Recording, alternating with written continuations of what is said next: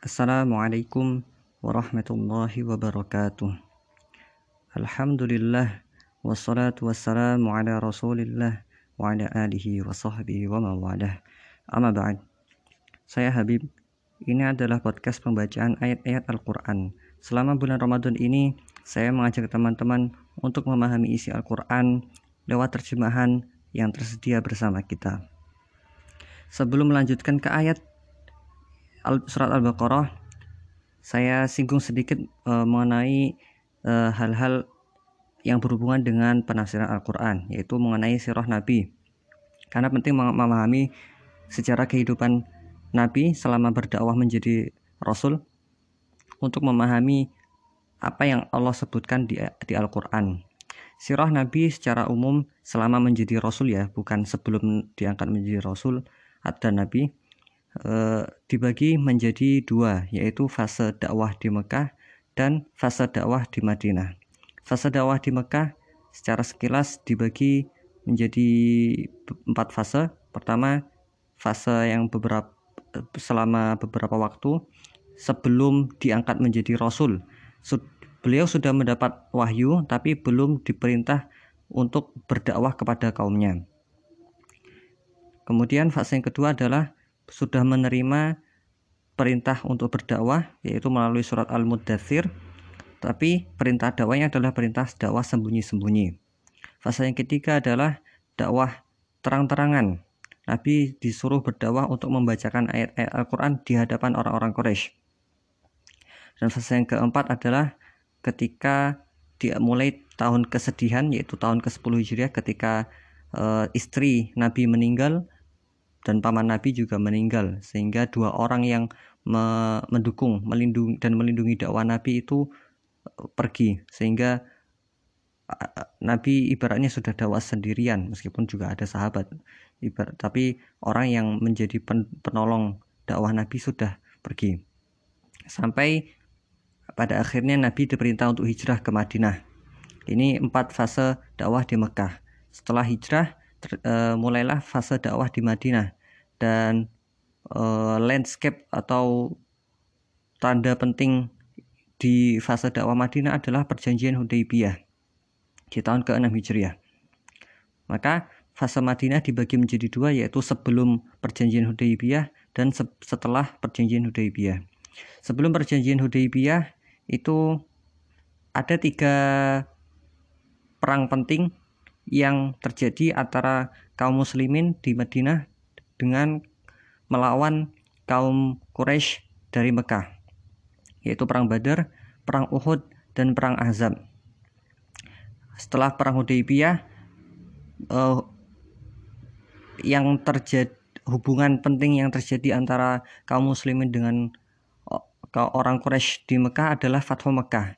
Selain uh, hubungan ini yang dilakukan Nabi setelah perang Hudaybiyah, setelah perjanjian Hudaybiyah adalah Nabi mulai berdakwah ke luar Arab, ke luar Jazirah Arab dan juga e, penaklukan suku-suku yang lain se kota di dari kota-kota lain di Jazirah Arab.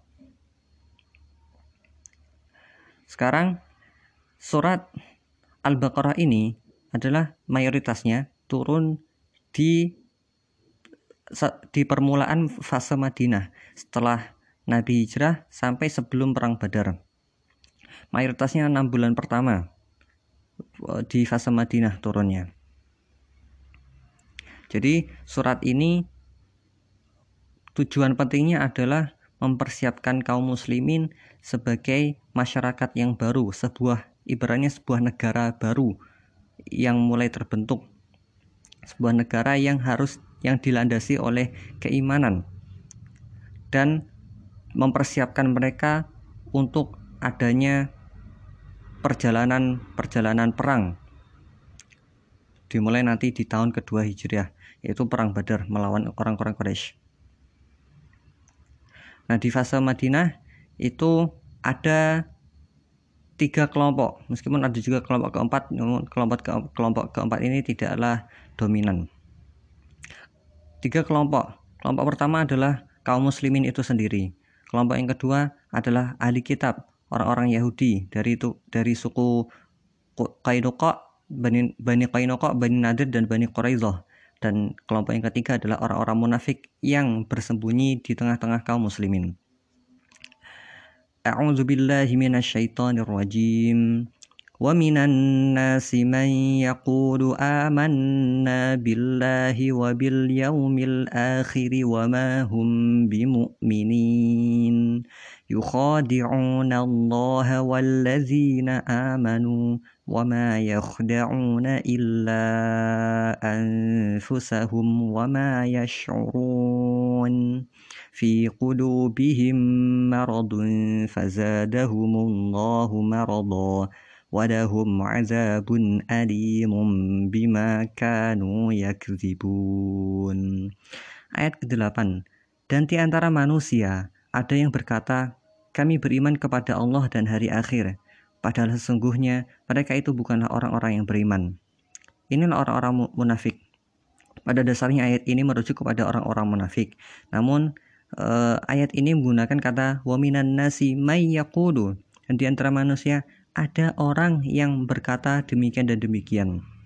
Di sini orang yang dalam bahasa Arab menggunakan kata man, bukan allazina seperti di ayat 6 sebelumnya. Innallazina kafaru. Di sini menggunakan kata man. Dan man ini bersifat nakiroh atau mubham, tidak tidak terkhusus pada kelompok tertentu, pada orang tertentu. Maka secara tidak langsung ini juga menyindir kita orang-orang beriman, orang-orang yang mengaku beriman. Wa minan nasi yaqulu amanna billahi wa bil yaumil akhir. Di antara manusia ada orang-orang yang berkata demikian. Kami beriman kepada Allah dan hari akhir. Wa ma hum bimumin, tapi Allah bantah. Allah lebih tahu isi hatinya.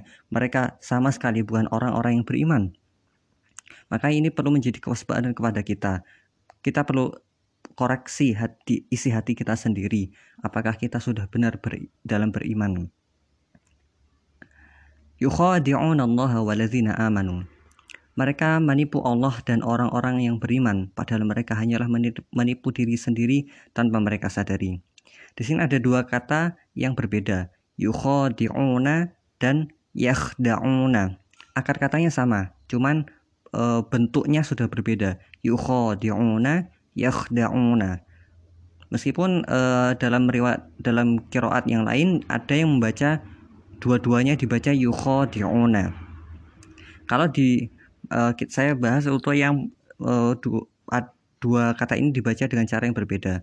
Yukhadi'una artinya berusaha untuk menipu. Artinya ada di situ adalah fi'il yang kata kerja yang menunjukkan masih berupa usaha belum berhasil. Yukhadi'una.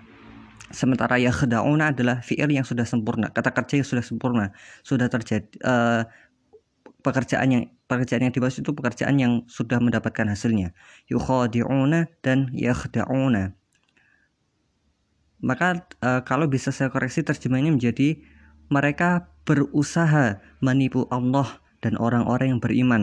Dan mereka tidak berhasil menipu kecuali diri mereka sendiri. Padahal mereka tidak mengetahui. Jadi begitu, mereka berusaha untuk menipu Allah, berusaha menipu orang-orang beriman dengan menyembunyikan keimanannya dengan menyembunyikan kekafirannya.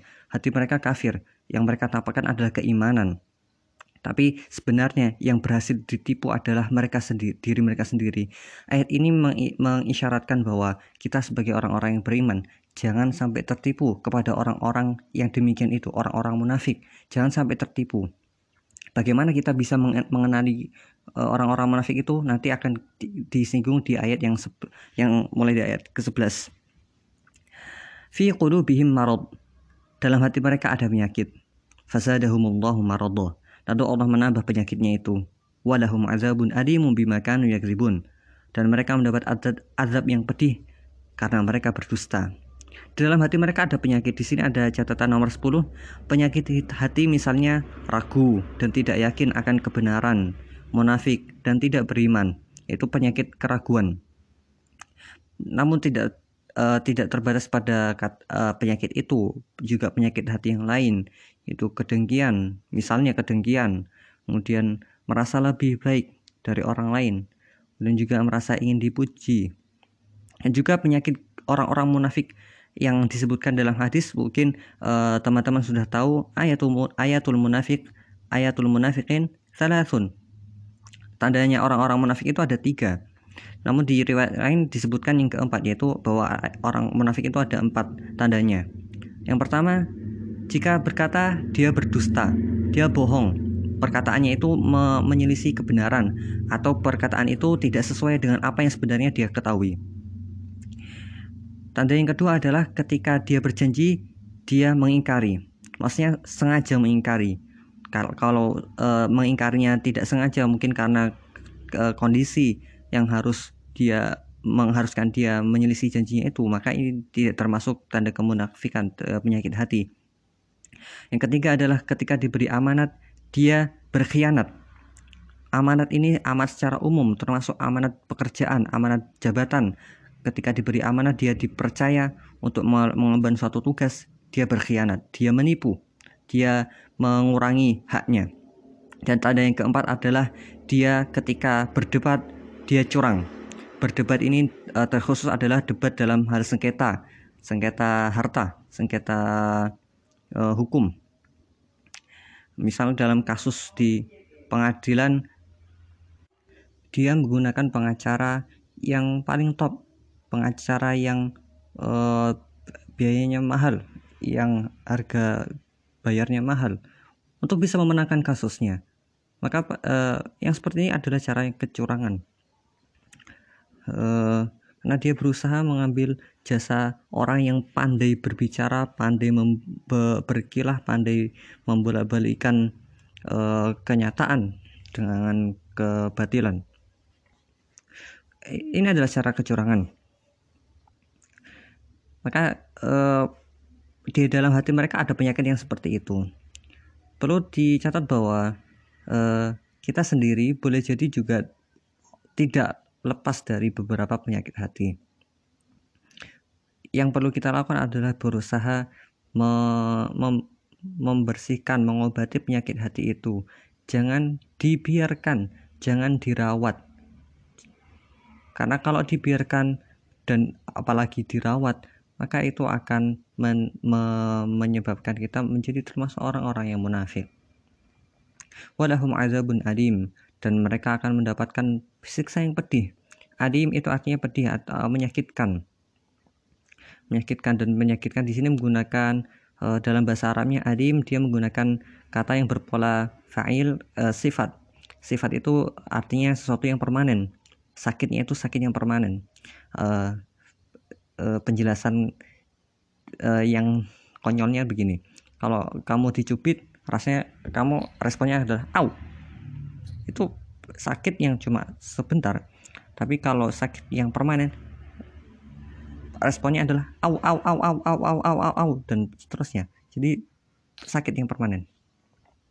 Bimakan yang ribun adab itu adalah disebabkan karena mereka berdusta. Penyakit orang munafik adalah penyakit berdusta وإذا قيل لهم لا تفسدوا في الأرض قالوا إنما نحن مصلحون ألا إنهم هم المفسدون ولكن لا يشعرون Dan ketika dikatakan dan apabila dikatakan kepada mereka, janganlah berbuat kerusakan di bumi, mereka menjawab, Sesungguhnya kami justru orang-orang yang melakukan perbaikan. Ini adalah ciri-ciri yang perlu di yang perlu kita ketahui sebagai orang-orang beriman mengenai orang-orang yang munafik. Ketika dikatakan kepada mereka, jangan berbuat kerusakan. Mereka mengatakan, berbuat kerusakan gimana? Kami lo itu berbuat kebaikan. Kita sebagai orang beriman punya standar mengenai apa itu kebaikan, apa itu keburukan, mana yang itu bisa me, bisa bermanfaat, mana yang mana yang justru bisa merusak. Dan patokan kita adalah Al-Quran dan hadis. Patokan kita jelas. Contohnya adalah mengenai tidak bolehnya, haramnya LGBT, LGBT, homoseksual dan sebagainya.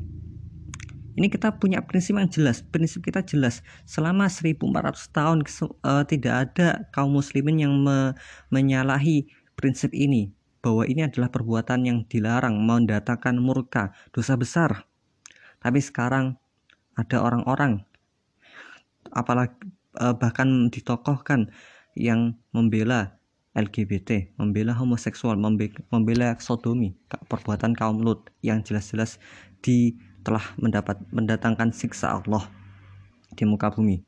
Ketika dikatakan kepada mereka mereka dilarang untuk mengatakan itu. Mereka menjawab, kami lo berbuat kebaikan. Ini loh hak asasi manusia. Kenapa kita harus melarang-larang hak asasi manusia? La tufsidu fil Kalau dikatakan kepada mereka jangan berbuat kerusakan, mereka mengatakan kami itu berbuat kebaikan. Ala innahum humul mufsidun. Allah ingatkan, ingatlah sesungguhnya mereka lah yang berbuat kerusakan, tetapi mereka tidak menyadari. Maka uh, ini uh, Allah sampaikan kepada orang-orang beriman, kepada kita Jangan sampai kita tertipu, jangan sampai kita goyah akan prediksi kita. Mereka itulah yang benar memang benar-benar berbuat kerusakan tapi mereka tidak sadar. Wa idza qila lahum aminu kama amana an-nasu qalu anu'minu kama amana Ala innahum humus sufaha walakin la ya'lamun Dan apabila dikatakan kepada mereka Berimanlah kamu sebagaimana orang lain telah beriman Mereka menjawab Apakah kami akan beriman seperti orang-orang yang kurang akal itu beriman? Ingatlah, sesungguhnya mereka itulah orang-orang yang kurang akal tetapi mereka tidak tahu Di sini uh, perlu di catat bahwa ayat ini secara secara harfiah ya tidak bisa diterapkan di zaman sekarang. Yaitu maksudnya di sini kan disebutkan apabila dikatakan kepada mereka berimanlah kalian sebagaimana imannya orang-orang. Jadi eh, seakan-akan eh, ayat ini menunjukkan bahwa kita itu harus beriman, harus berislam mengikuti ajaran Islam sebagaimana ajaran umumnya orang. Tidak, karena sekarang di zaman sekarang eh, ajaran Islam itu sudah bermacam-macam, sudah sudah bervariasi. Umat umat Islam sudah ber, berpecah belah menjadi berbagai golongan. Maka yang eh, ayat ini tidak bisa diterapkan secara serta merta begitu. Ayat ini menun, eh, yang di konteks dalam sejarahnya maksudnya adalah mayoritas kaum muslimin saat itu adalah ya nabi dan para sahabat. Yang di yang ayat ini ditujukan kepada orang-orang munafik yang mereka itu minoritas. Mereka itu sedikit dari uh, uh, masyarakat Madinah. Wa idza qila lahum aminu kama amanan nas kenapa, kenapa kamu tidak beriman seperti uh, imannya mayoritas orang kalau anu minu kama sufaha. Mereka menjawab ketika dikatakan di di perintah begitu mereka menjawab, anu minu kama sufaha. Apakah kami beriman seperti orang-orang yang bodoh itu? Yang mereka sebut bodoh adalah orang-orang muhajirin dan dan juga orang-orang ansor. Orang-orang muhajirin, orang yang rela meninggalkan keluarganya, rela meninggalkan hartanya, rumahnya, kampung halamannya demi suatu ideologi yang yang nggak jelas ini ideologi apa. Mereka bodoh. Mereka bodoh. Mereka menyebutnya begitu. Dan orang-orang ansor mereka juga sebut bodoh. Kenapa mereka mau menerima seorang imigran? Mereka kenapa mereka mau menerima pendatang? Orang mereka me, me, mengambil rumah mereka mengambil harta mereka. Uang mereka sendiri orang-orang miskin. Kenapa kok mau menerima tamu? Apa mereka ini bodoh? Demikianlah yang dikatakan orang-orang munafik. Ala innahum humul humus sufaha walakin la ya'lamun. Maka Allah sekali lagi mengingatkan kepada kita ketahuilah sesungguhnya mereka itulah orang-orang yang bodoh. Mereka me, me, me, me, menuduh orang beriman itu bodoh tapi mereka sendirilah orang-orang yang bodoh. Walakin la ya'lamun. Tetapi mereka tidak tidak tahu.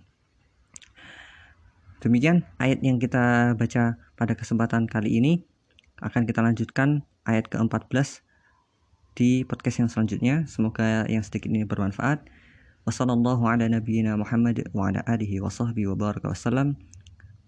Wassalamualaikum warahmatullahi wabarakatuh.